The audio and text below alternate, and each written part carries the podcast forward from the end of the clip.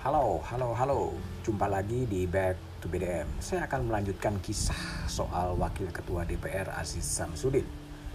Ternyata Wakil Ketua DPR Aziz Samsudin akhirnya tidak lagi bisa bertahan sebagai Wakil Ketua DPR.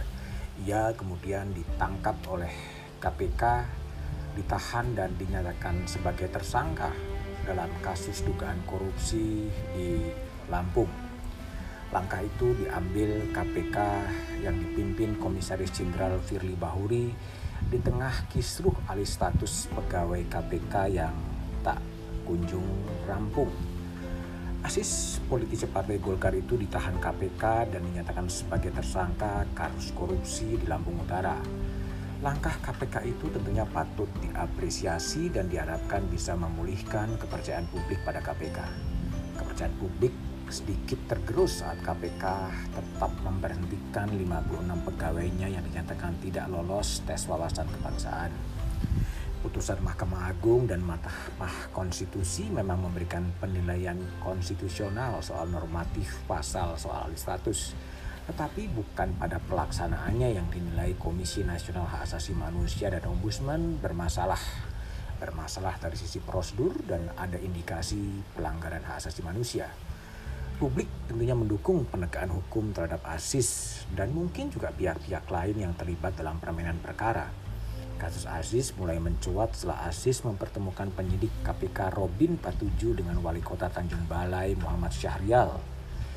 Dalam kasus itu, Wakil Ketua KPK Lili Pintauri Sirigar ikut membocorkan perkara yang ditangani KPK kepada Syahrial.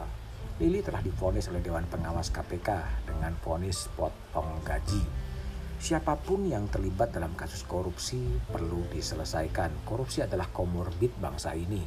Jaringan ASIS perlu diungkap dan dibersihkan. Kasus korupsi lain yang menyebut-nyebut sejumlah elit negeri ini juga perlu diungkap agar ada keadilan di sana.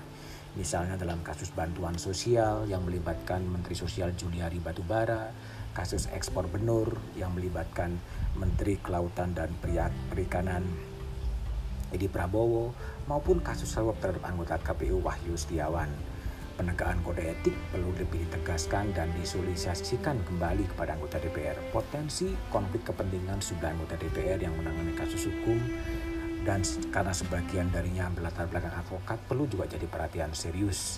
Meski Asis telah mengundurkan diri sebagai wakil ketua DPR, Majelis Kehormatan DPR juga perlu bersidang untuk memastikan status Aziz di sini sebenarnya MKB terlalu normatif dan prosedural.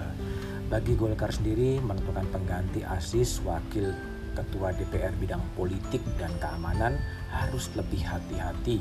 Setelah Alex Nurdin dan Aziz terjerat kasus korupsi, Golkar harus lebih ekstra hati-hati dalam menentukan siapa pengganti Aziz. Syukur-syukur kalau Golkar bisa menemukan sosok pengganti Aziz yang betul-betul punya integritas namanya betul-betul bersih dari permainan perkara dan mampu menjalankan peran sebagai wakil ketua DPR dan mampu mendinamisir lembaga DPR yang belakangan terlihat agak loyo. Langkah cepat dan tepat untuk memitigasi risiko politik Partai Golkar perlu diambil. Biarlah Partai Golkar dan Ketua Partai Golkar yang akan memutuskannya. Jumpa lagi di Back to BDM edisi berikutnya. thank you